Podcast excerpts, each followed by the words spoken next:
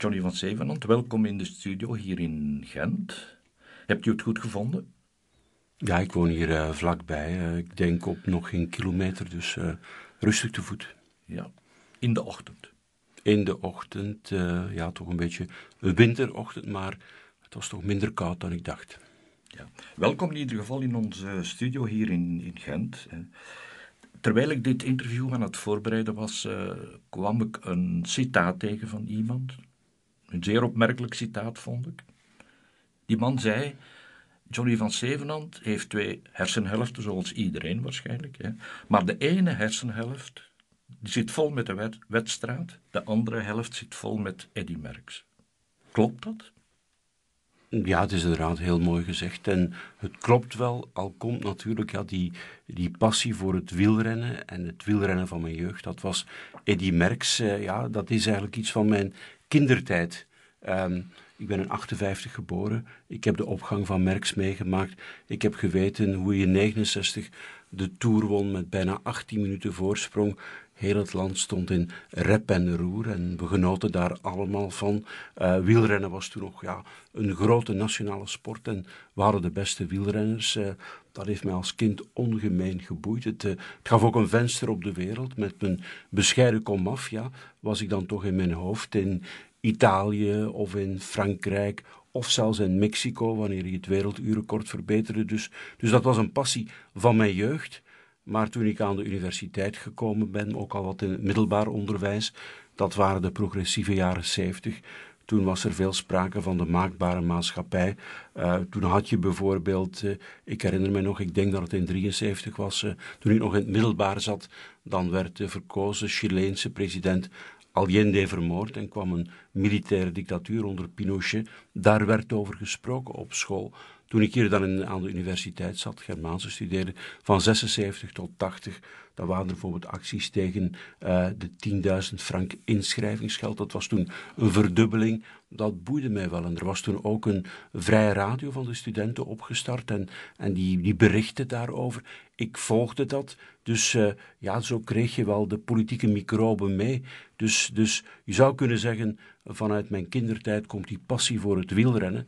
Maar dan, ja, toen ik in het middelbaar zat aan de universiteit, dan is die passie voor de politiek gekomen. En ik heb lange tijd gedacht dat uh, toen die passie voor, voor de politiek er was, dat het wielrennen futiel was. Mannen die met een fietsje rijden. Maar uh, ja, die passie is dan toch wel teruggekeerd en dat is uiteindelijk geresulteerd in, in drie boeken over Merks. -hmm. Laten we het misschien eerst eens hebben over de wedstraat, want zo kennen de mensen nu toch het beste, denk ik. Jij zit daar ondertussen een 25-tal jaren. Hè? Gewerkt voor radio, vooral radio, ook een beetje televisie, toch enkele jaren, denk ik, televisie, mm -hmm. de zevende dag. Wat maakt die wedstrijd eigenlijk zo boeiend? Hè? Ik kan me voorstellen, die politici die daar rondlopen, de macht, dat het dat inderdaad wel boeiend maakt, maar misschien is dat toch nog specifieker te verwoorden. Wel, uh, je maakt eigenlijk die geschiedenis voor je eigen ogen mee. En het voordeel van de Belgische politiek te volgen is dat je de politici, de, de acteurs, zij die het waarmaken, dat je die bijna iedere dag kunt ontmoeten, dat je die kunt bevragen, dat je die kunt opbellen, dat je zelfs kunt sms'en met hen. Dat is toch een, een groot voorrecht van dat te mogen meemaken. En sinds 90 ben ik uh, inderdaad politiek journalist. Uh, toen heb ik nog de laatste regering Martens meegemaakt, uh, die net de liberalen uit zijn regering gegooid had en de socialisten in de plaats genomen had. En dan zijn we nu al ja, in die toch wel bijzondere constructie, die regering Michel, met maar één enkele Franstalige partij aan Franstalige kant, de Franstalige liberalen. Uh, dat is een enorme evolutie die ik heb mogen meemaken. Ik ben in 88 begonnen als radiojournalist uh, uh, in Brussel. en nu ga ik eigenlijk mijn dertigste jaar in als, als radiojournalist. En eigenlijk vanaf het begin had ik belangstelling voor politiek en dat is blijkbaar opgemerkt. En ik kreeg dan vanaf 1990 de, de plaats van Siegfried Brakke als wedstrijdjournalist bij de radio. Hij had de overstap gemaakt naar televisie om de rechterhand te worden van Guy Polspoel. Een, een, boeiende wereld, zegt u, maar ik neem aan dat dat ook minder leuke kanten heeft. Ik denk nu aan wachten, nachtelijke vergaderingen van politici. Je staat dan te wachten, te wachten, te wachten, uren neem ik aan, dikwijls in de kou. Ja, wat, wat, wat, wat misschien het grootste nadeel is, nog meer dan die nachten, is dat de agenda van je leven bepaald wordt door de agenda van de politiek. Ehm, ja, als, als plots er een crisis in de lucht hangt, stel dat je van plan was om op bezoek te gaan bij vrienden of stel dat je een serie op televisie wil volgen, ja, je moet dat vergeten. Je moet alles laten vallen. Je moet naar de wedstrijd trekken. Je moet je informeren. Je moet met iedereen bellen. Soms kan je dat van, van thuis uit doen. Ik heb een ISDN-lijn thuis, dat ik bijvoorbeeld in de ochtend wat vertel van bij me thuis. Uh, soms moet je daar inderdaad gaan staan. Moet je daar de nacht in gaan. Ik heb dat nog bij die begrotingsbesprekingen gedaan. Uh, toen heb ik uh, 16 dagen na elkaar gewerkt. Daar waren twee nachten bij.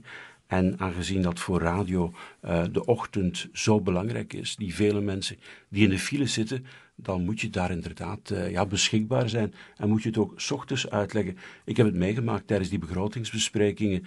Um, vicepremier Peters die, die had de vergadering verlaten, keerde niet meer terug. De andere vicepremiers en de premier zaten in de ambtswoning van de premier. De Lambermont, stonden daar aan de deur en ze kwamen pas om kwart voor twee buiten. Dan interview je iedereen, ga je terug naar de VRT, maak je een bericht voor het nieuws van drie uur s'nachts met verschillende klankfragmenten. Maar dan, ja, dan moet je pas weer optreden uh, om kwart over zes op de radio. Dan heb ik daar in, de, in, die, in die fauteuils die daar op de redactie uh, staan, ben ik daar dan anderhalf uur gaan slapen. Zo toch een powernap doen. En dan moet je er weer staan. En dan moest je dan kwart over zes uitleg geven. In het nieuws van zeven uur. Nog eens om twintig voor acht. In het nieuws van acht uur. En dan kan je je auto instappen en moet je vooral zorgen dat je wakker blijft en dat je je radio voldoende luid zet dat je zeker wakker blijft. Ik, ik heb het ooit meegemaakt dat ik uh, richting Gent aan het rijden was en dat ik een afrit uh, ja, gemist had. Dat ik dacht, ah, nu komt de afrit eraan. En dan toen ik weer uh, helemaal bij mijn positieve was, was de afrit al voorbij. Dus dat, dat zijn dan de mindere kantjes. Wel ja, ik kan me voorstellen dat je die job ook wel eens verfoeit. Nee, of toch ik, niet? Ik, ik vind dat ik uh, bevoorrecht ben dat ik dat allemaal mag meemaken. En ik heb al gezegd, ja, dat is het dertigste jaar dat ik uh, nu inga. En ik hoop te mogen werken tot mijn 65ste. Ik hoop dat ik gezond kan blijven. Dat betekent dus nog zes en een half jaar te gaan. En ik reken ook heel dikwijls in de regeringen en de legislatuur. De regeerperiodes zijn nu vijf jaar, dus ik zal jammer genoeg niet veel regeringen meer mogen meemaken. Dat is eigenlijk een beetje met pijn in het hart. Natuurlijk, als je, je moet wel gezond blijven. Als je naar je werk moet slepen, dat je jezelf moet pijn doen, dan, dan doe je dat natuurlijk niet meer graag. Maar als alles nog goed gaat, uh, het ouder zijn heeft ook zijn voordelen in de politiek. Je kunt veel sneller dingen inschatten. Je ziet manoeuvres uh, en dat helpt allemaal. Dat maakt het ook veel comfortabeler om te werken. Je bent ook iemand geworden al in de wedstrijd, waardoor iedereen ook wel toegankelijker is dan in het begin van je carrière als politiek journalist. Ja. Je ziet bepaalde manoeuvres, zeg je. Is de wedstrijd toch een beetje een krabbenmand? Ik denk, ik denk dat het leven een krabbenmand is. Uh, uh, ja, je hebt overal mensen die te vertrouwen zijn en mensen die niet te vertrouwen zijn. Dus het is wel een spiegel van het leven. Wat je wel hebt is, het is een hypercompetitieve omgeving. Want om de zoveel jaar moet je examen afleggen als politicus en kun je weggestemd worden. En dan heb je nog eens een zeer wispelturig kiespubliek dat uh, geregeld van gedacht verandert en dat heel graag ook voortstemmen uitbrengt. Je kunt dus keihard gewerkt hebben als politicus en dat het dan weer terug naar af is. En, en dat zorgt dus wel voor spanningen onder de politici, ook onderling. En daardoor wordt het ook bijna een permanente kiescampagne. Die sociale media zijn er nog bovenop gekomen, waardoor er dan ook continu ook scherpe woorden vallen. En, en dan zie je ook heel veel uitspraken van politici, nu al als een onderdeel van de kiesstrijd die eerst in 2018 met de gemeenteraadsverkiezingen er is en dan in 2019 met de parlementsverkiezingen. En wie het slecht doet in 2018 bij de gemeenteraadsverkiezingen, heeft al een slechte start voor 2019. Dus nu, nu zijn, de, zijn de manoeuvres al volop aan de gang. Een van de grote kritieken op de politiek in het algemeen is het korte termijn denken. Het gebrek aan visie op lange termijn. Bent u het daarmee eens of is dat bijna onvermijdelijk? Gezien ook die kiesstrijd, die permanente concurrentie die er is. Dus ja, de, de regeerperiode hebben ze nu al verlengd naar vijf jaar, ook op federaal niveau. Zoals op het Vlaams niveau We dachten dat dat meer comfort zou geven, maar door de, ja, de, de regeringsconstructie zoals die er nu uitziet, zie je toch een permanente ehm, strijd eigenlijk onderling, waardoor dat inderdaad dat korte termijn denken wel speelt. Anderzijds, ja goed, uh, de pensioenleeftijd is verhoogd, dat is gebeurd. En door de vergrijzing loopt die pensioenfactuur op. Er moest wel iets gebeuren. Dat is dan toch gebeurd. De loonlasten zijn naar beneden gegaan. Ook al in de vorige regering waren lonen bevroren, waardoor dat de afstand tussen de, de kostprijs van arbeid in België kleiner wordt met die in Duitsland. Dus dat zijn dus wel maatregelen die op de lange termijn effect zullen hebben. Ik denk dat er soms ook wel eens te negatief gedaan wordt over de politieke wereld. Dat sommigen ja, hun, hun nood aan gezeur eigenlijk gewoon ja, op die politiek eh, projecteren. Terwijl, ja goed, laten we wel wezen, we leven in een van de meest welvarende landen ter wereld met ongeveer de grootste sociale bescherming die er is. Als je ziet hoe in de Verenigde Staten een zeer basic uh, uh, sociale zekerheid voor de gezondheidszorg, hoe dat, dat daar op de schop komt te staan, ja, laten we even blij zijn. Hè? Een van de belangrijke dingen in de journalistiek is objectiviteit. Dat moet toch wel moeilijk zijn om een zekere afstand te bewaren ten opzichte van politici. En tegelijk moet je van hen toch ook de informatie krijgen. Dat lijkt mij geen gemakkelijke oefening. Ja, we moeten allemaal streven naar objectiviteit en voor een openbare omroep is dat wel zeer dwingend. Perfectie bestaat natuurlijk niet in deze wereld. We streven daarnaar. En eigenlijk om, om echt goed te kunnen werken, moet je wel proberen neutraal te zijn. Want uh, ik ben maar een zwak journalist als ik maar informatie van één enkele partij, van één enkele strekking krijg. En als ik continu uh, ten voordeel van één enkele strekking zou spreken, dat zou dan betekenen dat de andere partijen niets meer zouden geven. Dan zouden de deuren gewoon dichtgaan. Dus moet je jezelf wel die discipline opleggen. Anderzijds, die politici zijn professionals. Ze weten natuurlijk, als het gaat om feitelijkheden die ook in hun nadeel pleiten, dat je die dan moet geven. Uh, stel bijvoorbeeld dat een politicus in een schandaal betrokken wordt, ja, en, en er zijn objectieve feiten, dan moet je dat geven. Uh, en het is ook zo, uh, als je die dingen niet geeft, dan is er wel een ander medium dat het onmiddellijk daarna zal geven. Ik heb in de tijd de Augusta-affaire gevolgd en ik heb informatie gekregen dat er dingen verkeerd waren gelopen bij die openbare aanbesteding.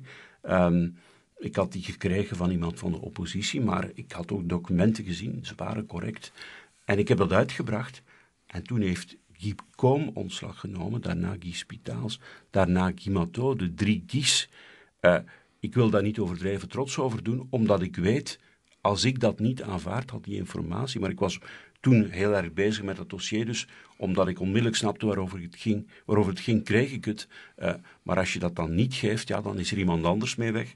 En ben je ook je, je, je neutrale reputatie kwijt bij die bron. Dus uh, als je dus naar iedereen luistert, en, en ze weten ook wel dat je neutraal moet zijn. Dus ik, ik heb daar eigenlijk weinig problemen mee gehad. Je moet natuurlijk wel betrouwbaar zijn. Uh, soms kom je dingen off the record te weten.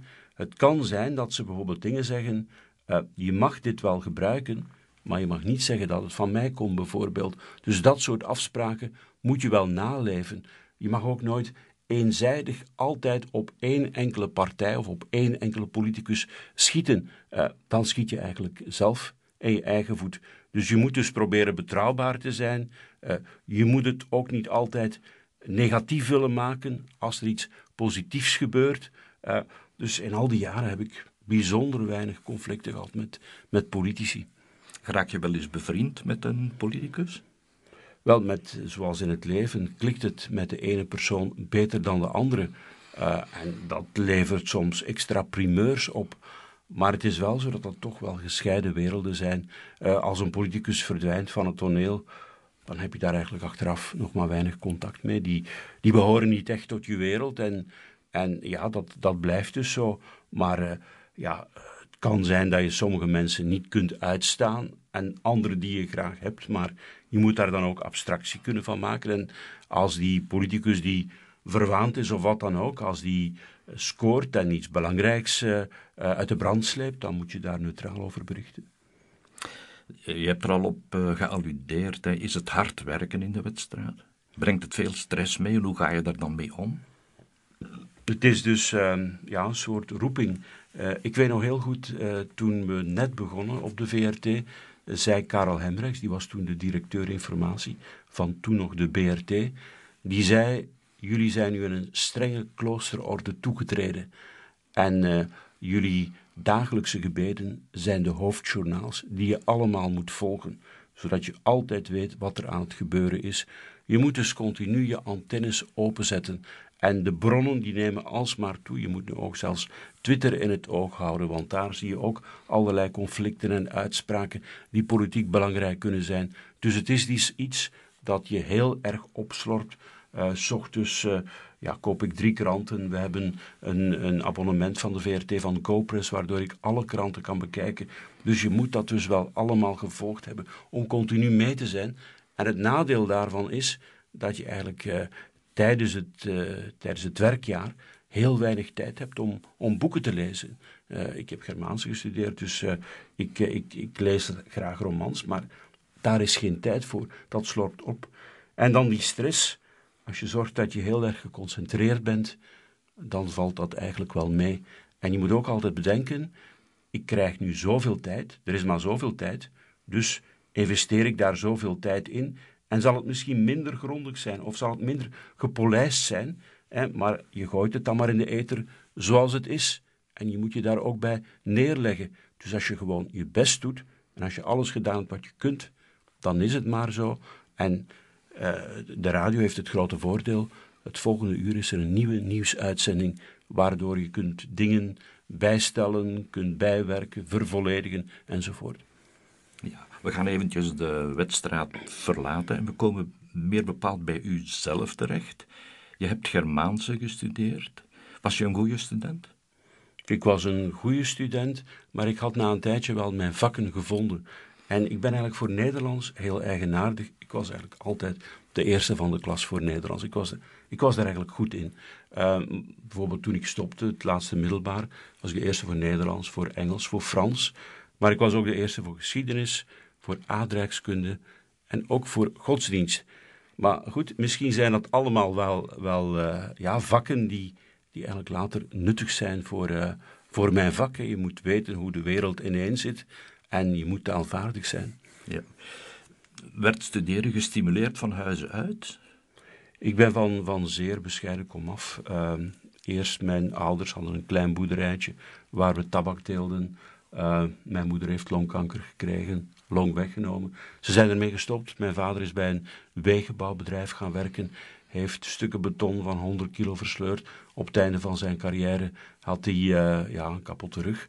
Uh, mijn ouders hadden er wel voor gekozen uh, ja, om maar één kind te hebben. Ze gingen ervan uit, wij zijn van bescheiden kom af. Eén kind, maar die gaan we dan wel alle kansen geven. En ik heb kunnen studeren. Ehm, ik ben hen daar zeer dankbaar voor. Uh, ik mocht studeren wat ik wou na mijn middelbaar. Uh, ik las toen enorm graag romans en ik was goed voor talen, dus Germaanse lag dan in de lijn. Uh, wat ik altijd wel gedaan heb, is vakantiejobs gedaan, dat ik samen met mijn studiebeurs eigenlijk ongeveer alles verdiende wat ik nodig had tijdens, tijdens een studiejaar. Maar mijn ouders vonden dat heel belangrijk, dat, dat ik vooruit kwam in het leven en en die waren heel blij met, met, wat ik bereikt heb. Ze zijn er jammer genoeg niet meer, maar uh, ja, ik ben hen nog altijd heel dankbaar. Ja. Op je dertigste ongeveer ben je bij de VRT begonnen, na dat fameuze journalistenexamen, waar je ook hebt aan meegedaan. Zeven proeven.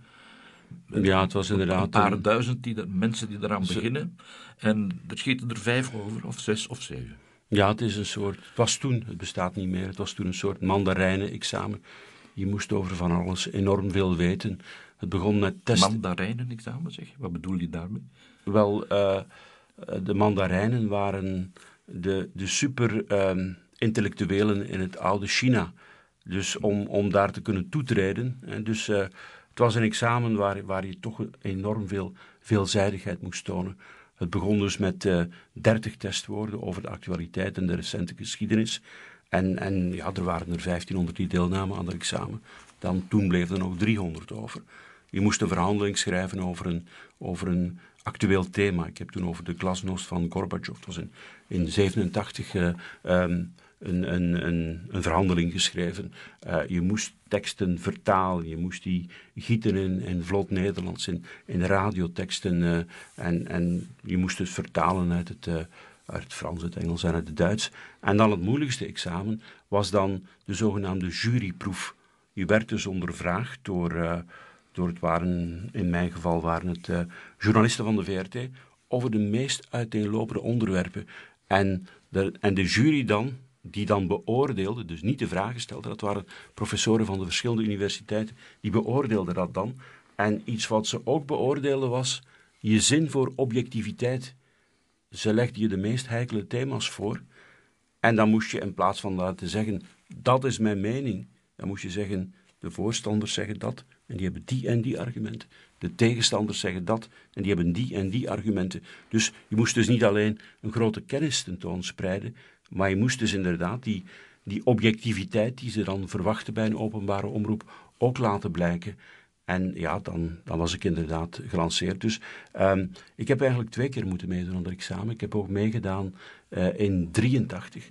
En ik was er toen niet door voor Duits. Karel Hemmerrechts, die vond Duits zeer belangrijk. Vader van Christine. Hè? Vader van Christine Hemmerrechts, bestuursdirecteur informatie van de VRT. En uh, ik denk de fout die ik gemaakt heb, die toen fataal was, uh, daar stond die union in. En ik wist toen niet dat dat het samenwerkingsverband tussen CDU en CSU is, de twee christendemocratische partijen in Duitsland. En aangezien dat ik dat niet wist, was ik niet waardig om BRT-journalist te zijn volgens Karel Hemrechts. Dus eh, om maar aan te geven hoe het eraan toe ging.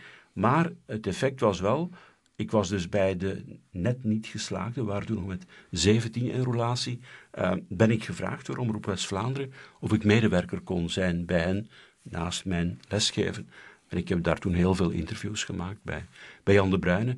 En dat was eigenlijk ook wel, wel, wel een goede scholing. Ik kon interviewen toen ik op de nieuwsredactie kwam in Brussel. En dat was dan ook een troef om, om de ambitie te laten blijken dat ik de wedstrijd wou doen. Dus alles is wel goed gekomen. Ja.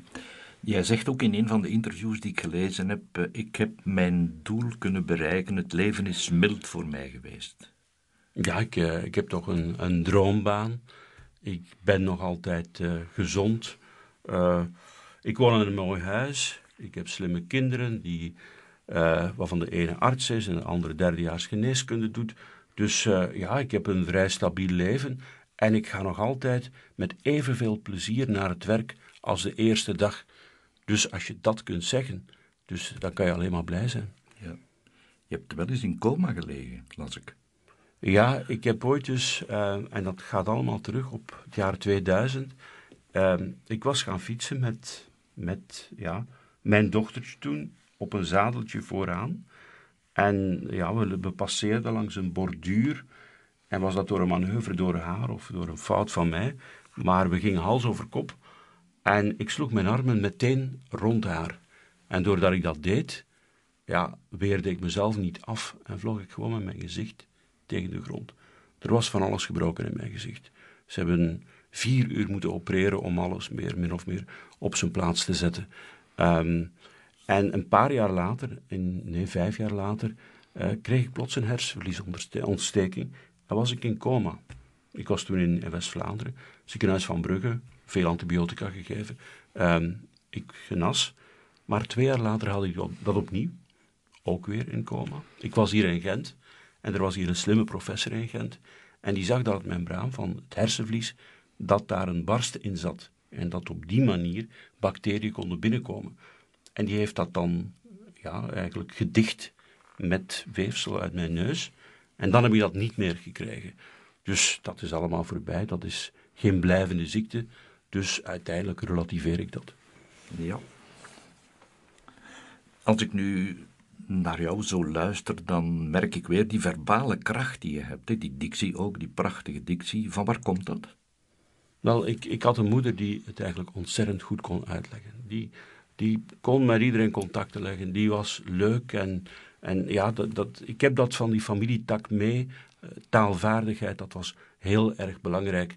Maar ik ben niet zoals mijn moeder. Ik ben veel voorzichtiger. Ik heb de voorzichtigheid van mijn vader. Mijn vader was eerder stil, was heel bescheiden. En ik, ik ben zo'n mengeling van de twee. Uh, en ja, de taalvaardigheid en ook ja, het accent ook vooral. Dat heb ik eigenlijk aan de BRT te danken. Ik, ik heb goed geluisterd naar bijvoorbeeld een, een groot voorbeeld. Uh, Jan Wouters op de radio, die van op de motor aan wielenverslaggeving deed. Ik wou eigenlijk ook wel zoiets kunnen. Ik vond dat het prachtig klonk. Uh, ik weet wel dat ik uh, hem niet evenaar, maar dat was toch ook wel een, een streefdoel. En aangezien ik altijd goed geweest ben voor talen en ook probeerde die talen te spreken met, met dat accent, al, al, al slaag je daar wel nooit in. Uh, ja, ik, ik ben er altijd gevoelig voor geweest. Dus ook ja, om als West-Vlaming dat, dat West-Vlaamse accent proberen weg te krijgen. Maar eigenlijk heb ik daar weinig moeten voor doen, dat ging vanzelf. Je hebt er niet moeten op trainen eigenlijk? Nee, wat ik mij nog wel herinner is, uh, toen ik Germaanse begon in Gent, moesten we een, een, een tekst inlezen en moesten we een gesprek voeren met iemand. Dat werd opgenomen. En dan werd gezegd wat fout was. En de enige fout die ik mij nog herinner was, ik had verteld over toen we in Parijs waren. En in West-Vlaanderen wordt van die W, wordt de S dan een zit die ervoor komt. Dat is niet zo in het Nederlands. Het moest zijn toen we in Parijs waren. Dus dat is iets wat ik bijgeleerd heb. En toen we dan bij de VRT kwamen, de BRT toen nog, was er taalraadsman Berode.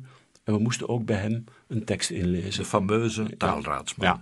En die beluisterde dat dan. Dan moest ik in zijn bureau komen. En dan, uh, dan zei hij, ja, ja, dat is zeer goed. Uh, maar er was één ding die hij niet goed vond. Hij vond dat de L te veel naar achteren, een beetje zoals in het West-Vlaams zat, in plaats van melk, melk. Dat die, en ja, ik heb daar dan toen wel een beetje op getraind. Ik heb toen zo, ja, toch een aantal woorden zo met die constructie opgeschreven. En ik heb die tot ik, tot ik het juist had. Maar dat zijn denk ik de twee, de twee dingen waarop ik ooit geoefend heb. We glimmen nu naar uw andere hersenhelft, Eddie Merckx. Van waar komt die fascinatie? Je hebt er al een beetje over gesproken, Jan Wouters. Uh, ik denk toen je een jaar of zeven was, dat Merckx toen voor de eerste keer de regenboogtrui won. En ik kan me voorstellen als kind van zeven dat die trui, dat dat wel tot de verbeelding sprak. Wel, toen, toen Eddie Merckx in 64 amateurwereldkampioen werd, we hadden toen nog geen tv. Ik heb dat niet geweten.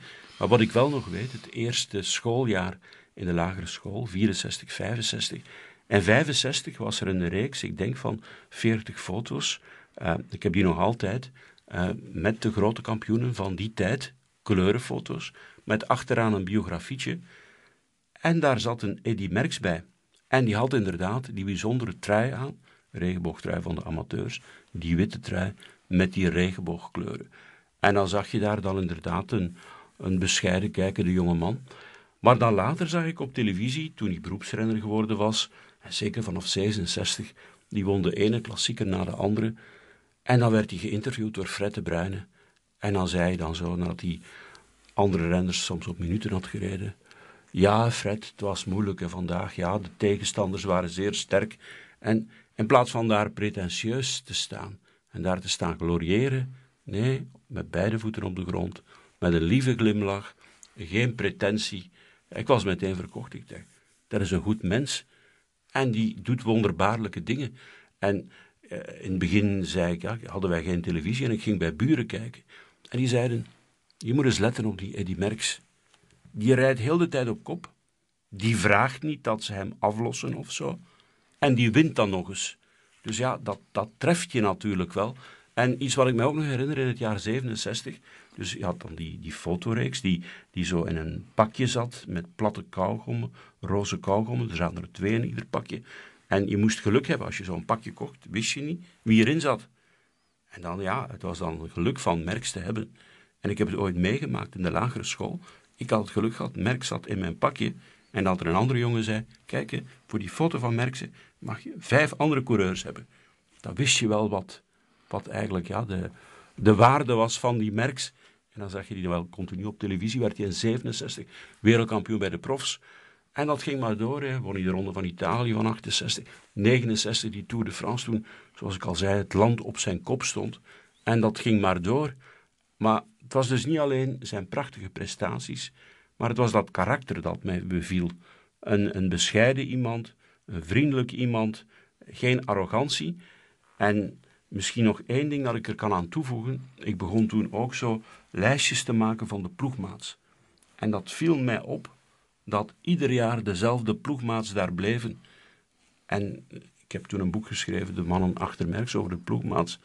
En ja, sommigen reden acht, negen jaar bij hem in de ploeg. En die zegden ook, als je werk deed, die ging je niet buiten gooien. En als je een keer een slecht jaar had gehad, dan was dat meteen zand erover. Dus, dus door zijn sociaal gevoel kon hij eigenlijk wel die mensen bij hem houden. En hij gaat nog altijd fietsen met die ploegmaats. Hij heeft er ook een aantal bij hem in de, in de, in de fietsenfabriek genomen. Dus, uh, dus hij is een zeer loyaal iemand en ook, ook heel sociaal voelend. Die jeugd van jou, je praat daarover. Uh, was het een kommerloze jeugd? Kan ik dat zo karakteriseren? Wij waren niet rijk, maar ik heb wel het geluk gehad van in de jaren zestig te mogen opgroeien. En die jaren zestig, dat was een periode van nog heel veel geborgenheid bij de buren, bij de familie, grote families. En, en daar voel je goed bij. Maar er dook al van alles op dat zo de moderniteit aangaf. Dat aangaf dat er ja, een enorme materiële welstand zat aan te komen. Ja, je had televisie, je had transistorradio's, je, ja, er waren kranten. Ik vond het allemaal prachtig om, uh, om te volgen. Er, was zoveel dat, dat boeiend was. Je moest als kind, toen ik uh, ja, in Lichtervelde in West-Vlaanderen uh, op dat boerderijtje op het veld stond en, en ik moest naar, maar naar boven kijken. Ik, ik zag helikopters overkomen, ik zag straaljagers vliegen, ik zag tweedekkers, ik zag ja, grote vliegtuigen. Ik vond dat allemaal prachtig. Dat, ja, de, ik, ik, denk die verwondering, dat is nu weg en er is veel kommer en kwel en gezeur in de plaats gekomen. Toen was er een soort optimisme. Ja. Je bent eigenlijk eh, in de loop van al die jaren uitgegroeid tot een echte merkskenner. Ik zou bijna zeggen een, een expert in merks, een, een merkspert. Mhm.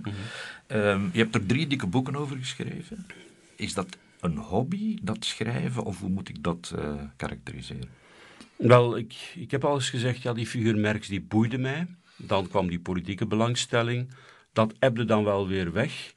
Maar goed, ja, ik, ik altijd, ik ben altijd het wielrennen blijven volgen. En als ik een klassieker op tv kon zien, of een toerrit, en zeker een bergrit, dan wou ik dat wel doen. En dat deed mij heel veel plezier.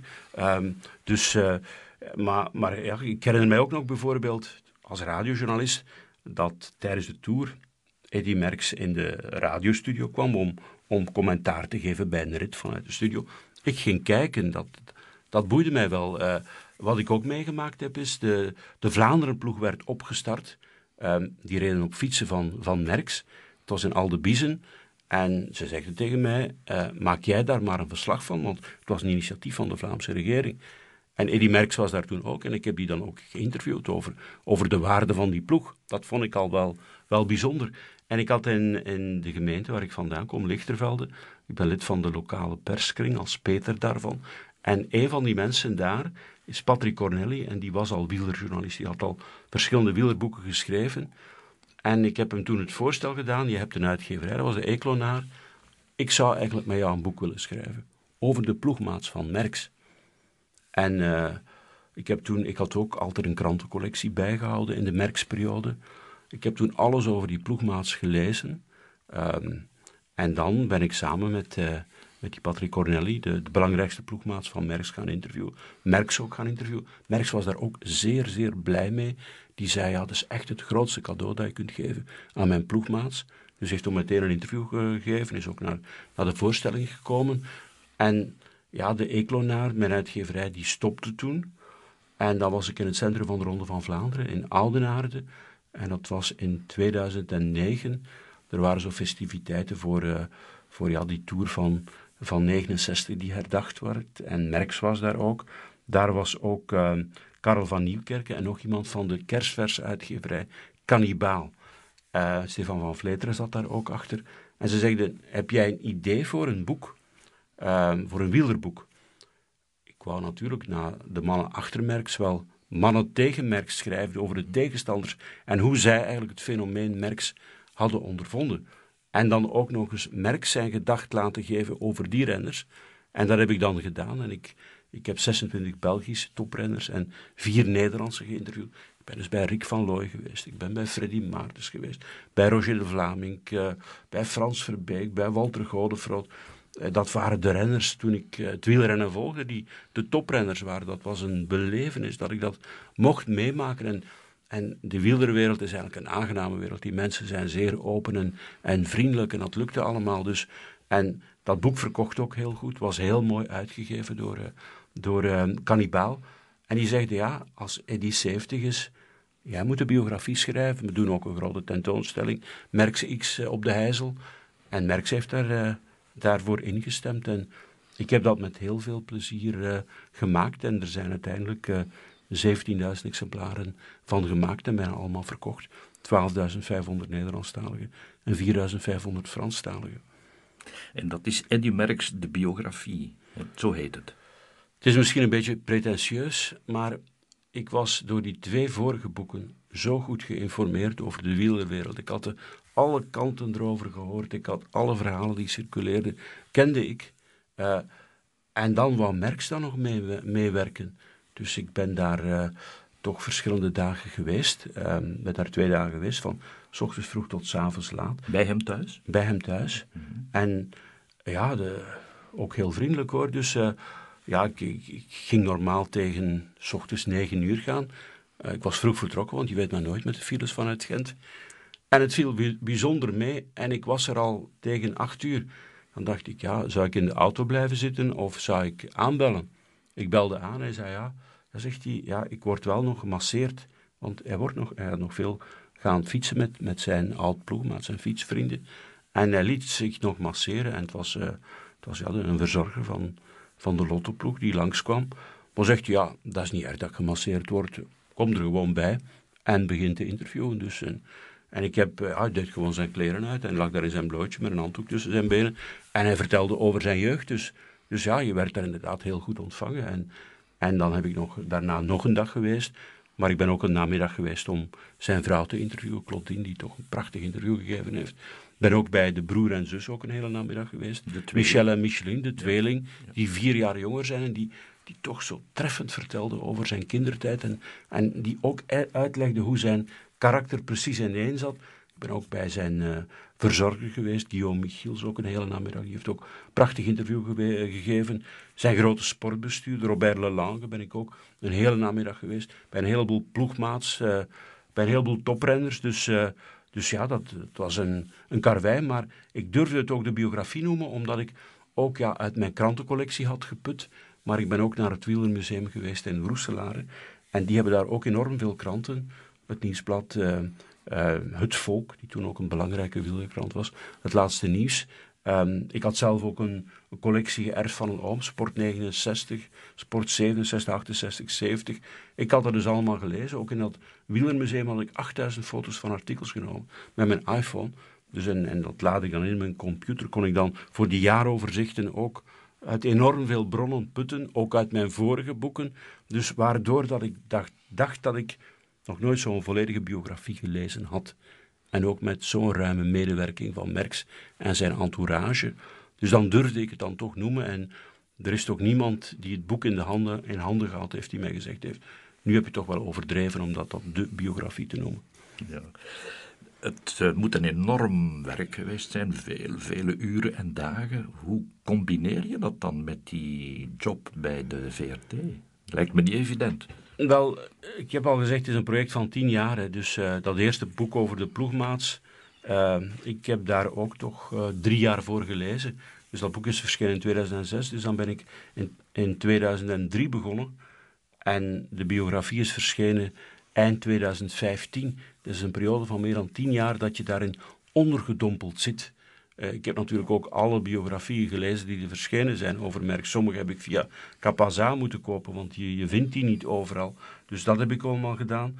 En dan het schrijven zelf, het uitschrijven van al die interviews, wat je opgenomen hebt en zo. Dat vraagt veel tijd. Maar ik heb zo ja, een discipline opgelegd, zeker in de periode dat ik aan het schrijven was, om pas iedere keer om half één te gaan slapen. En dan stond ik dan toch op om kwart voor zeven ochtends. En dan begon mijn werkdag. Uh, ik moest natuurlijk ook wel wat asociaal zijn thuis. Uh, weinig naar de bioscoop geweest, uh, minder bezoeken afgelegd dan ik normaal zou afleggen en dergelijke meer. Dus uh, ik geniet nu eigenlijk wel weer van het normale leven, van met mijn vrouw naar de, naar de cinema te gaan, ook wel meer vrienden en familie zien en zo. Dus ik ben ook niet meer van plan om nog wielerboeken te schrijven. Ik vind dus met die drie, dat is een mooie trilogie, dat, dat de figuur Merks afgewerkt is. En ik wou daar alleen maar over schrijven omdat ik een soort sentimentele binding mee heb door mijn jeugd. Ik zie mij dus niet een boek over Museo of over Tom Bonen te schrijven. Nee, dat is niet mijn periode. Dat wielrennen van de jaren 60, 70, dat heeft mijn jeugd rijker gemaakt. En eh, ik ben heel blij van, ook zeker die, die tegenstander, die ploegmaats, om die ook iets te geven. Want die zijn daar eigenlijk blij mee dat die in zo'n boek staan, dat dat zo mooi verzorgd is en, enzovoort. Dus uh, ploegmaats hebben mij verteld dat ze dat een eer vonden van in dat boek te staan en van daar uh, een ruim item te hebben. Dus, uh, dus ja, dat was ook iets teruggeven voor al het plezier dat ze mij gegeven hebben. -hmm. Laten we het eens even hebben over de figuur van Eddy Merckx zelf. Hè? het eerste aspect zijn fysiek. Dat is een unieke, unieke fysiek. Professoren hebben daar onderzoek gedaan en die stonden verbaasd over wat Merckx kon.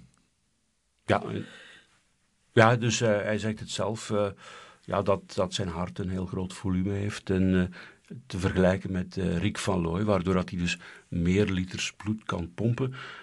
ook, en dat is dan maar later gebleken, heeft hij dus ja, wat je kunt noemen dik bloed met veel rode bloedcellen dus met een hoog hematocriet. En hij heeft een natuurlijk hematocriet van rond, van rond de 50. Uh, eh, en in der tijd toen EPO opkwam, en toen ze EPO nog niet konden vinden, keken ze naar de dikte van het bloed en wie boven de 50 hematocriet zat, die mocht niet meer starten. Dus bijvoorbeeld Merks voor zijn werelduurrecord, die heeft dus thuis geoefend met, uh, met lucht met weinig zuurstof in. Het soort lucht dat je hebt op grote hoogte. Mexico om weinig luchtweerstand te hebben. Wel, het gevolg daarvan was dat dat hematocriet van 50 nog eens hoger ging en dat het naar uh, eh, 53 ging. En hij vertelde mij dat hij dan oefende met zijn verzorger Jo Michiels, die dus met een motorfiets voor hem reed. En dat hij zich zo sterk voelde dat hij gewoon naast hem ging rijden en hem zo, zo voorbij stak. Zo van, zo, en dan zei Michiels, oh, wat is het jong? Hè? Dus, uh, uh, dus dat hij het einde van zijn krachten eigenlijk niet kende. dus dat grote hart, die, die, die vele bloed, eh, die rode bloedlichamen, iets wat Roger de Vlaming trouwens ook had.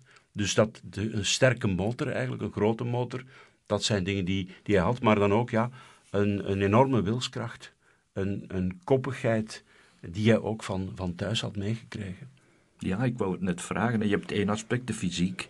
Langs de andere kant uh, ik zal maar zeggen, de psychische kant van de zaak, zijn doorzettingsvermogen. Van waar komt dat precies? Van, van huizen uit? Uh, wel, uh, als, als kind was hij een hyperactief kind. Uh, dat kon toen natuurlijk nog wel in eind jaren 40, jaren 50, daar in Sint-Pieters-Woluwe, waar hij opgegroeid is, bij dat park van Woluwe. Hij raasde met zijn fietsje de hellingen af. Zijn zus Micheline zei, hij heeft daar geleerd dalen. Uh, hij kroop op daken, hij kroop op bomen. Dat, uh, dat zorgde ook voor heel veel bezorgdheid bij die ouders. En, en ja, hij kreeg dus ook geregeld een goed paar motten, zei Eddie mij. En ik zeg, ja, was je dan een soort ADHD-kind? En hij zei, ja, zegt hij, ik had soms crisissen, zegt hij, dat ik mijzelf niet kon houden. Maar mijn vader maakte daar korte metten mee. Hij pakte mij vast en hij stak mijn hoofd onder de kraan. Hè. Na een paar minuten, ik was wel afgekoeld. Dus, dus hij had dus enorm veel energie, maar hij was nergens goed voor. Um, uh, ja, doordat hij altijd maar buiten wou zijn, uh, had zijn vader een zeer slecht gedachte over hem. En die zei altijd, met jou kan ik niks aanvangen. Um, op school, hij had alles heel snel door en, en was slim eigenlijk. Maar studeren, dat zat er ook niet in. Die wilde altijd maar buiten spelen. Dus. En, en zijn vader zei, ja, wat moet er van jou geworden? Maar zijn vader was wielerliefhebber en nam hem soms mee naar zesdaagse, naar wielerwedstrijden. En het is door zijn vader dat hij wielrenner geworden is. En, en Eddie wou eigenlijk bewijzen dat hij, dat hij wel wat kon, dat hij wel wat in zijn mars had. En, en hij was dan ook bijzonder gevoelig voor wat als zijn vader dan zei achteraf. Hij heeft het mij gezegd in, in het interview, dus uh, op zijn merks, dat zijn vader dan zei: Eddike, hoe heb je het toch gedaan? En dus, dus dat, dat, ja, eh, dat, hij, wou, hij wou zich bewijzen tegenover zijn ouders, die, die dat kleine winkeltje hadden daar, uh, dat ze ook maar huurden. Uh, met, met ja, leveranciers die hen soms bedrogen. En, en ja, hij wou het waarmaken. En met het eerste geld wat hij verdiend heeft vanaf het moment dat hij wereldkampioen was bij de liefhebbers, hij gaf zijn geld thuis af, konden ze dus uh, een, een mooi huis bouwen en dergelijke meer. Dus, dus uh, ja, hij, hij, hij wou eigenlijk tonen aan zijn ouders dat hij wel wat kon. Niet dat Eddie niet intelligent was, want hij heeft uh, Latijnse gedaan. Um, en ja, hij heeft, zeker toen hij dan ja, 17 was, ja, dat wielrennen begon zo door te wegen. En, en hij wou trainen en, en, en hij, hij verwaarloosde zijn studies wel. Hij heeft dan moeten een jaar opnieuw, hij zat toen in de wetenschappelijke A. En, en dan, ja, toen hij dat jaar opnieuw had hij dan 80 procent. Hij had dan wel zijn best gedaan. Maar toch, uh, hij was Vlaming, maar hij gaf dat Franstalig onderwijs. Hij moest verhandelingen in het Frans schrijven. Ik stelde dat alsmaar uit. En dan, uh, ja, hij kreeg onder zijn voeten van die leraar Frans. En het werd hem allemaal te veel en hij zei, ik word coureur, ik ga niet meer naar school, ik help thuis in de winkel. En dan is hij gestopt met studeren en hij zegt achteraf, ja, ik had dat eigenlijk niet mogen doen. Um, zijn ouders dachten, ja, hij is zo hyperactief, misschien kan hij licentiaat lichamelijke opvoeding worden of zo. Dus, uh, en, het is een slimme familie, want zijn broer die is, uh, die is apotheker. Uh, zijn zus, die, die, is, die was directiesecretaresse bij de absolute top van ING. Ze zat in het directiecomité, zoals de secretaresse van de absolute topman van ING. Dat, dat zijn slimme mensen, dat, dat voel je ook wanneer je met hen praat. -hmm. Wat mij opvalt aan Merks, wat mij het meest opvalt aan Merks, is eigenlijk zijn eenvoud. Hij is wereldberoemd, zeg maar. Iedereen omarmt hem. En hij blijft heel bescheiden en ook een beetje gesloten, lijkt mij. Hij heeft natuurlijk geleerd dat hij zichzelf wel moet afsluiten. Want ja, iedereen wil hem. Hè. Dus uh, iedereen wil iets van hem, zei zijn vrouw Claudine mij in het, in het interview. Uh, hij moet zich wel wat afschermen. Hij is natuurlijk ook wel zo'n beetje. En hij heeft ook wel dingen meegemaakt, zoals uh, die dopingaffaire in de Giro van 69. ik weet natuurlijk niet wat er gebeurd is, maar in een totaal onbelangrijke rit wordt hij plots positief bevonden, ehm, terwijl in zware bergritten, in tijdritten, daar is hij helemaal niet positief bevonden en plots wel. En kort daarvoor was hem een koffer met geld aangeboden om die ronde van Italië aan Felice Gimondi te verkopen. Uh, hij zegt nog altijd, en hij is daar zo categoriek in, ik heb daar toen niets misdaan, ik ben daar bedrogen geweest, um, enzovoort. Dus, en hij is toen wel geslotener geworden er wordt ook wel gezegd dat hij ook iets mee heeft van zijn vader. Zijn vader was weinig spraakzaam. Zijn moeder was een flap uit, honderd uit, heel vriendelijk, eh, echt uh, de winkelmevrouw. Dus uh, die was daar enorm geschikt voor. Zijn vader was gesloten. Eddie heeft ook iets van die geslotenheid. Maar hij is ook zeer duaal. Um, wielerjournalisten zeiden over hem... Um, in de koers was hij zijn vader, verbeten, keihard. Daarbuiten zijn moeder, zachtaardig, moeilijk nee kunnen zeggen. Uh, bij mensen die hij heel graag heeft, is hij enorm open. En zegt hij van alles en is hij leuk. En als er wat gedronken wordt, is hij er altijd bij. En, en ook met die ploegmaats achteraf, als ze dan gefietst hebben, dat is daar dan feest. Hè. Dus uh, dan, dan drinken ze dan nog samen wat, eten ze wat. Dus, dus uh, Jos Huismans, zijn oud ploegmaat, die jammer genoeg intussen overleden is, die heeft me eens gezegd: bij Merks moet je het vertrouwen winnen. In het begin is hij zeer gesloten, houdt hij, houdt hij afstand. Maar als hij dan, als je zijn vertrouwen hebt, dan gaan de deuren open. Dan mag je hem alles vragen. En ik heb eigenlijk dat geluk gehad. Het vertrouwen is tussen ons gegroeid door die, door die twee vorige boeken. En het contact is, is nog altijd zeer goed. Je zegt zelf dat hij het moeilijk heeft om nee te zeggen tegen mensen. Hè? Heb je het gevoel dat Claudine, zijn vrouw, soms voor hem beslissingen neemt? Ja, Robert Janssens, uh, oud wielerjournalist die de carrière van Merckx uh, volledig heeft meegemaakt, die heeft me eens gezegd, die heeft altijd strenge mensen rond zich nodig gehad. Zijn vader was streng, zijn manager Jean van Buggenhout was streng en ook Claudine. Dus zij heeft heel dikwijls nee in zijn plaats gezegd heeft daar natuurlijk ook die, die rol laten spelen. Hij zegt ook tegen haar, jij zegt veel makkelijker nee dan ja, maar zij zegt, ik moest dat wel doen om hem af te schermen, anders was het geen leven meer. Dus, uh, maar hij is inderdaad uh, ja, toegeeflijk zoals zijn moeder, maar zoals ik al zei, in de wedstrijd was hij niet toegeeflijk. Dan was er die, die wil om te winnen en dat heeft hij op alle gebied. Um, ja, als hij kaart, dan wil hij ook absoluut winnen. En ploegmaat Guido Rijbroek vertelde mij uh, dat hij dus tijdens het oefenkamp uh, een damspel mee had. En Guido Rijbroek kon dat enorm goed. En Merck zei, ja, ik wil dat ook kunnen. En hij, keek goed hoe dat Guido Rijbroek dat deed. En uh, hij liet zo ook zijn vinger op, op, op, dat, op dat dingetje van, van dat damspel zo. En deed zo bijna een schijnmanoeuvre. Hij keek dan hoe Rijbroek reageerde. toen hij dan blij keek dat hij... Hè, ik, heb, ik heb hem nog niet daar gezet. Hè, en dan probeerde hij iets anders. En, Rijbroek zei, na een tijdje kon hij dat beter dan ik. Dus, dus die wil om die competitiedrang, dat zit er wel in. Dus, maar dan daarbuiten, dan is dat weg. En dan is dat een heel andere merks.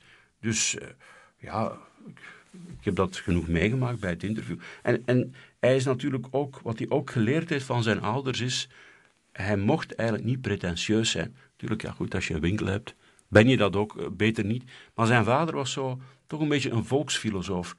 En die, ja, die woonde daar in Sint-Pieters-Woluwe. Dat was eigenlijk vrij residentieel. Hadden zij maar een winkeltje dat ze daar huurden. Uh, maar die, ja, die, die andere kinderen, die kwamen uit rijkere milieus. En die gingen toen al naar de Côte d'Azur. En zij gingen zo ja, drie dagen naar Blankenbergen. En dan konden ze ergens een kamer krijgen boven een slagerij. En dat was het dan.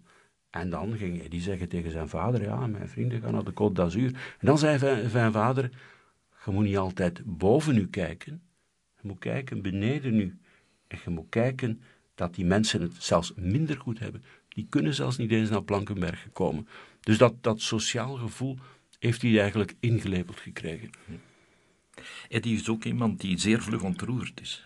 Ik herinner me interviews bij Friede Lesage, onder andere voor de radio, dat hij ja, de tranen in zijn ogen kreeg, want het ging dan over...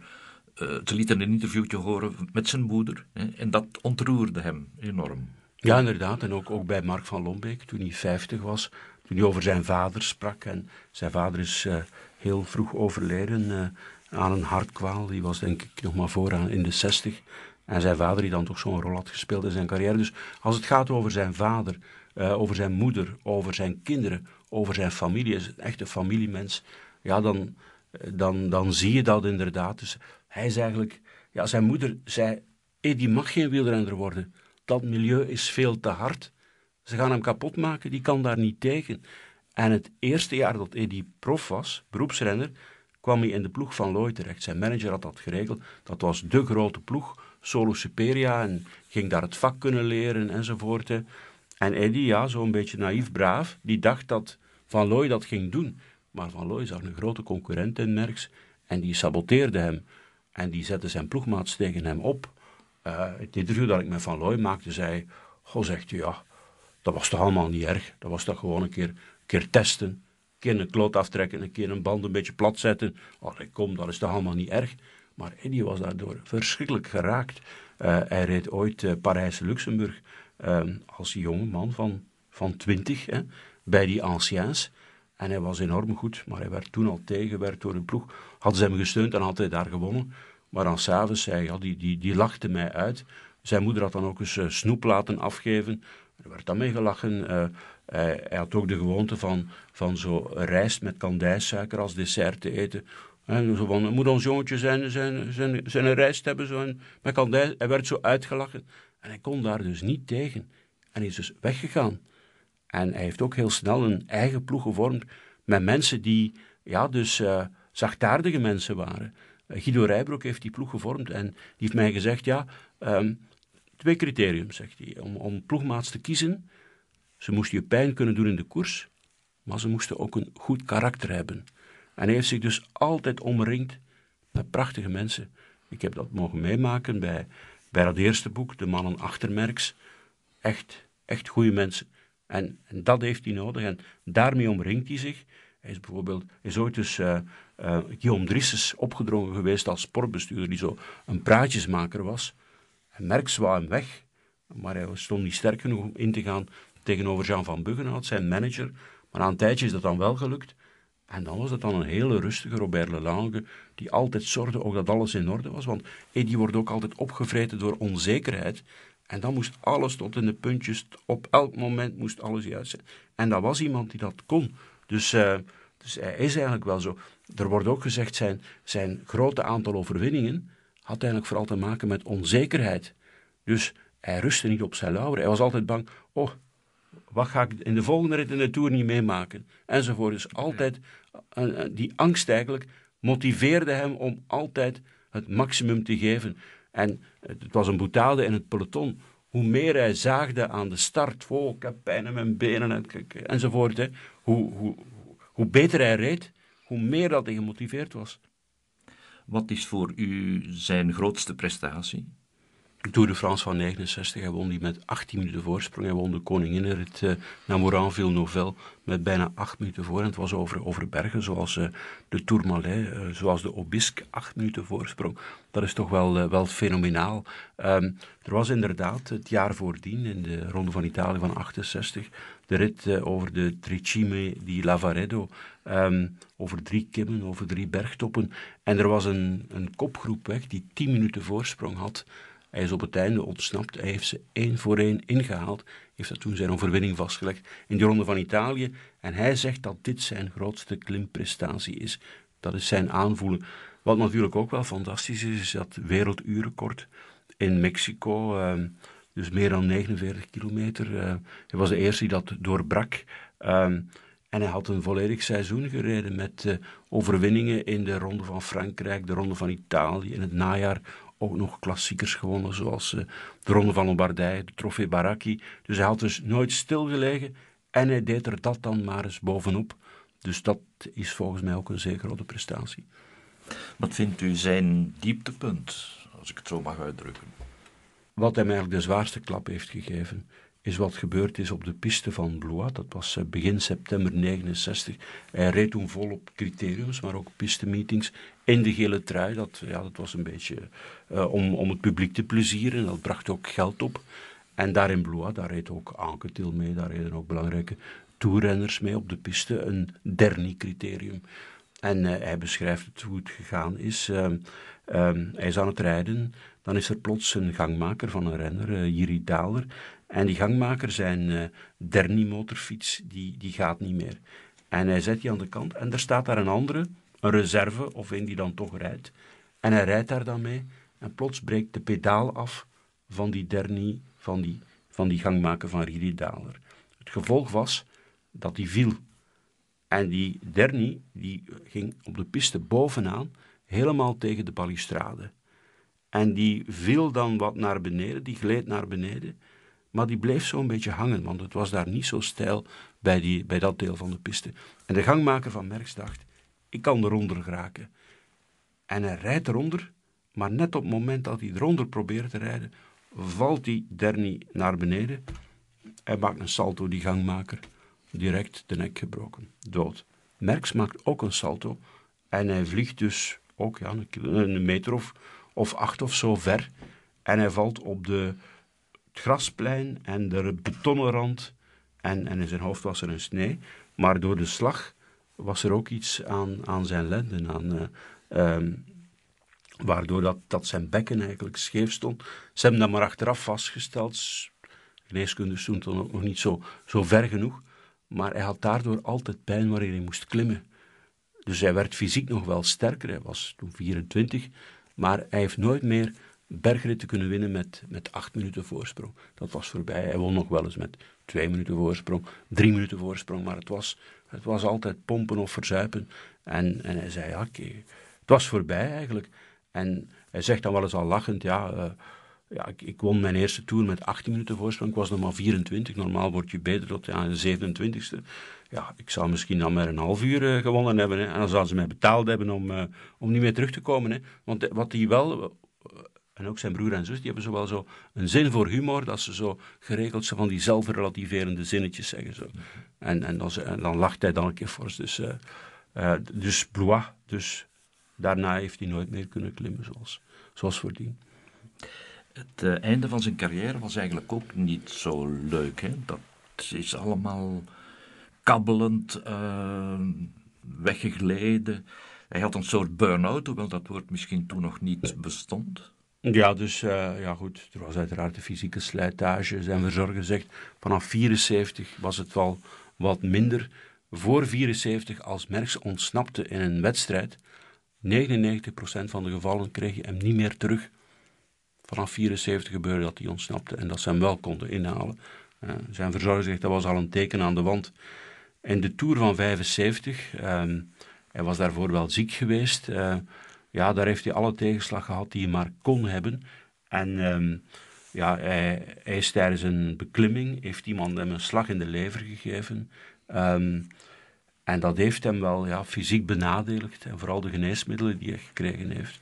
Zegt hij uh, uh, dat dat eigenlijk ja, hem heeft doen blokkeren tijdens een bergrit. Hij was ontsnapt. En dan had hij het nadeel dat hij een paar dagen later op zijn gezicht viel. Dat hij met een gebroken. Hij kon alleen vloeibare voedsel, tot zich nemen, dat hij is blijven doorrijden. En hij zegt, ik heb toen zoveel pijnstillers genomen, ik had moeten stoppen, ik heb mezelf daar kapot gereden. Daarna is hij nooit meer echt goed geweest. Maar Merckx, ja, de voluntarist, hij wou dat natuurlijk nooit toegeven. Hij bleef altijd maar gaan en nog meer trainen en nog meer zijn best doen enzovoort. En dan had hij een ploeg op, opgericht. Uh, Um, want hij was eigenlijk buitengegooid bij de Fiat-ploeg. Uh, maar hij had wel zijn ploegmaats allemaal laten tekenen bij hem. En hij stond garant voor hen.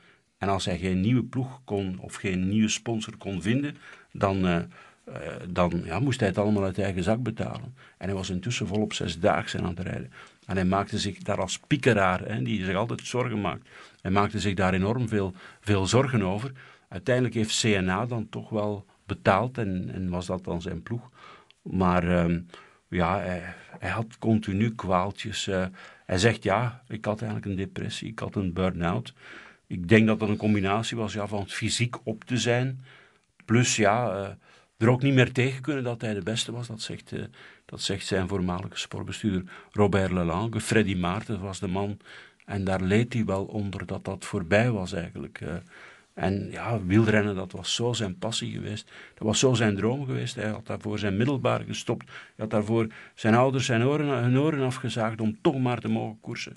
En dat was voorbij. En, en hij is er eigenlijk maar weer wat bovenop gekomen. Doordat hij in het wielermilieu is kunnen blijven. Door een, een racefietsenfabriek op te starten. Was dat eigenlijk nodig om dat te doen, die met die fabriek beginnen? Stel me voor iemand die zo'n carrière opbouwt, dat die schatrijk is en dat die begint te rentenieren. En die zegt zelf, mijn generatie heeft eigenlijk niet genoeg verdiend. Uh, wij gaven al wel publiciteit op televisie, maar uh, dat waren heel dikwijls kleine firma's die sponsorden. Hij kreeg eigenlijk niet zoveel geld. Hij moest dan proberen wat geld te verdienen door criteriums te rijden, door ook enorm veel wedstrijden te rijden. Veel van die renners waren inderdaad op als ze dertig waren, omdat ze dat ze dus na de Tour ook nog uh, eh, 40 criteriums reden. Ze reden nog een Tour erbovenop, of zelfs twee Tours. Dus dat was enorm, enorm slopend. Dus om toch maar een beetje geld te hebben. Uh, dus hij kon niet rentenieren, had niet genoeg. Hij had wel genoeg om, om een startkapitaal te hebben voor een, voor een bedrijf. Dat kon hij wel, maar uh, uh, niemand van zijn generatie kon dat zich eigenlijk permitteren van, van, van niet meer te rijden. Hij had ook een aanbod gekregen om bij Adidas public relations man te worden bijvoorbeeld. Maar hij zei ja, als dan je populariteit dan helemaal weg is, dan dat is maar iets tijdelijks. Je bouwt daar niets mee op. Uh, dus dat, dat heeft hij dan maar niet gedaan. Hij had ook een, uh, een contract met, uh, met de mini-flatbaas, die toen verandas bouwde. En dan gingen ze dan prefabhuizen bouwen, maar dat was dan via, een concept dat uit Scandinavië kwam. En daar, ja, die plannen waren dan nooit in orde. Er kwam geen, wat hij noemde, eenvormigheidsattest en dat is dan niet doorgegaan. En dan heeft dan zijn oud-mechanicien, de Rosa, gezegd, waarom zou ik geen koersfietsen maken? En toen waren er nog niet zoveel racefietsenfabrikanten. Bij ons had je Flandria, had je Novi, Maar dat was het dan zo ongeveer. En die mikte ook niet op de start van het wielertoerisme dat toen begonnen is. Die, die maakte gewone fietsen en waar racefietsen voor de ploeg. En dat was het dan. Maar dus specifiek kwaliteitsfietsen, ook voor de wielertoerist, met dan ook wel voor enkel wielerploegen, waardoor er dan wat reclame voor was. Dat, ja, dat was eigenlijk wel een gat in de markt dat, dat er daar was. En, en zijn oud-mechanicien de Rossa heeft hem het vak geleerd. Ik denk dat hij zo een jaar of tien geleden, negen jaar geleden, met de fabriek is gestopt. Hè? Hij is gestopt in 2008. Ja. Hij is eigenlijk gestopt ja, net voor de bankencrisis. Uh, wat eigenlijk uh, een enorm geluk was, waardoor dat hij het nog voor veel geld heeft kunnen verkopen. Hij is dus ook zeer goed geadviseerd geweest. Uh, zijn zus, die, ehm, die dus aan de top van ING stond, ik denk dat die wel ook wel signalen heeft gestuurd naar Eddie wanneer dat het moment gekomen was. Dat staat wel niet in het boek, maar dat heb ik dan toch wel, wel opgevangen. Dus hij heeft op tijd gestopt. En uh, ja, hij is wel adviseur gebleven voor die fietsenfabriek. Um, en ja, hij heeft ook, ook nog van alles gedaan naast dat, uh, naast dat wielrennen. Hij is ook heel lang de bondscoach geweest van, van de Belgische wielrijdersploeg. En, en hij heeft toch wel twee, twee regenboogtruien binnengerijfd op die manier. Uh, Rudy Danes en, en Johan Museeuw. Dus uh, dat heeft hij ook gedaan. Maar, maar nu, ja goed, hij heeft dan de Ronde van Qatar, die weliswaar dit jaar niet meer georganiseerd wordt, uit de grond gestampt. de Ronde van Oman, dat wereldkampioenschap wielrennen daar in Qatar. Dat was dan ja, bijna de bekroning daarvan, van toch ja, meer dan tien jaar Ronde van Qatar. Merks koers dan op een bepaald moment niet meer? En nu nog altijd niet, uiteraard. Is de wielersport nu nog boeiend voor u? Ik denk gewoon het fenomeen van een groep mannen, of zijn het vrouwen, die ondersnels fietsen en dan op een mooi geaccidenteerd parcours. Dat is gewoon boeiend, die strijd. En of dat nu Merks is of niet, of is dat nu veldrijden, of is dat nu een zesdaagse. En hoe je, en hoe je ziet hier in de zesdaagse van Gent, hoe dat ze een ronde proberen te pakken enzovoort het is boeiend op zich, dat is iets bijzonders. Dat is, zo, ja, dat, dat is nog met de fysiek dat ze het doen, maar op iets ja, rudimentair mechanisch, dat is op zich boeiend. Natuurlijk, we, ik kom uit een periode dat, dat onze renders de beste waren. Als ik mannen tegen merk schrijf, dat zijn 26 Belgen, 4 Nederlanders, wel, dan heb ik niet echt het gevoel dat ik heel veel, heel veel renders mis. Dus wij waren verwend. Het waren renders van bij ons. En nu mogen we blij zijn dat we twee, drie toppers hebben die dan dikwijls in internationale ploegen zitten. En uh, het is ook zo dat, dat ja, uh, armoede te maken heeft met, met wielrennen natuurlijk. Hè. Uh, we zijn nu niet zo arm meer. En dan zijn het nu soms Litouwers of ik, mensen uit, uit Oost-Europa die, die het minder goed hadden en, die, of, of, of uit, uit Latijns-Amerika zelfs, dus die, die, die naar boven komen.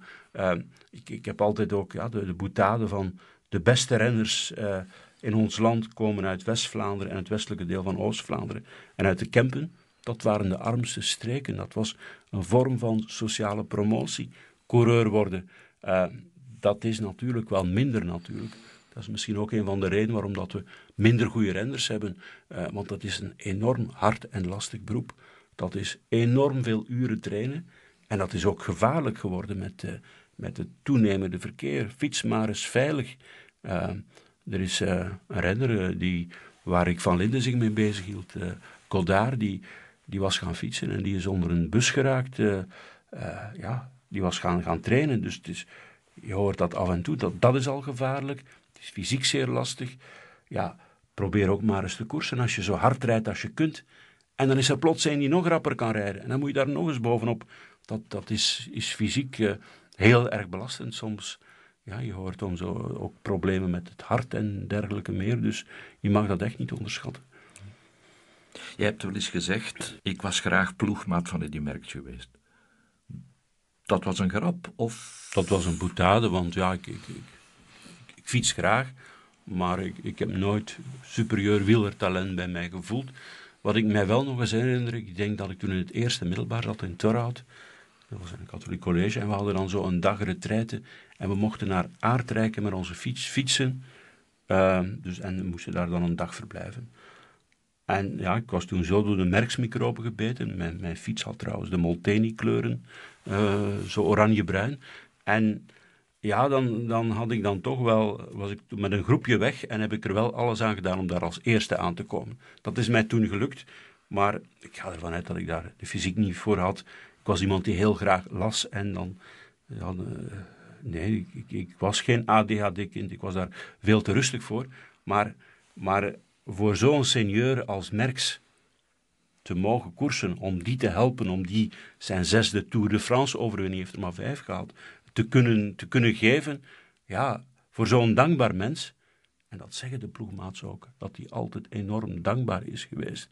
Dus, dus als je daarvoor kunt werken, uh, ja, je zag ook dat ze ook heel graag bij hem in de fabriek gingen werken. Dus als je dat mag doen, ja, dat, dat is een eer natuurlijk. Ik heb nog één vraag die eigenlijk niks met uh, Eddie Merckx te maken heeft, maar het intrigeert mij wel. Ik las ergens: Mijn grootste angst is blind worden. Dat was mijn grootste angst toen ik kind was. Waar heeft dat mee te maken? Ehm, ik keek dus, zoals in de volksmond zeggen, scheel. Ik loenste. Um, dat betekende dus dat mijn ogen niet allemaal in, de, in dezelfde richting keken. Um, dat is wel geopereerd geweest. Ik was toen nog heel jong. Ik, ik heb zo nog vage herinneringen aan, aan oogartsen die mij door een zwart rooster met bolletjes lieten kijken. En ze hadden dan zo'n lampje op hun hoofd. En ik ben daar toen geopereerd geweest in, uh, in Sint-Jans ziekenhuis in, in Brugge. Maar het gevolg is wel dat ik eigenlijk maar met één oog kijk. En het andere oog, dus als ik mijn goed oog afdek, daar zie ik wel mee. En ik ga niet ergens tegenaan lopen, maar het moeten al enorm grote letters zijn om het te kunnen lezen. En ik had toen zo in mijn hoofd gestoken toen ik klein was. Stel bijvoorbeeld dat, een, dat ik een ongeluk heb en dat mijn goede oog eraan gaat. Ga ik dan nog kunnen lezen bijvoorbeeld? Daar zat ik mee in. Dus die angst was er wel. Dat is natuurlijk weggeëpt. Als ze nu vragen wat is je grootste angst. Ik heb twee goede kinderen. Als die kinderen eerder zouden sterven als ik, dat zou ik wel het ergste vinden dat er is.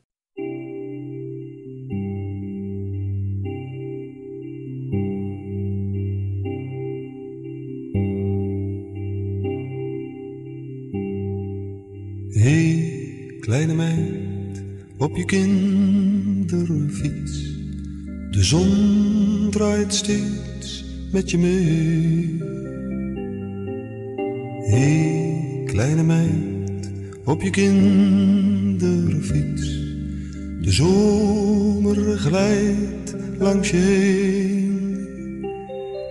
Met je haar in de wind en de zon op je wangen Rij je me zomaar voorbij, fiets. Hé, kleine meid, op je kinderfiets. Je lacht en je zwaait naar een zwaan. En de vijver weer spiegelt je witte jurk. En het riet fluistert je aan. Het zonlicht speelt in de draaiende wielen. Schitterend strooien met licht, fiets.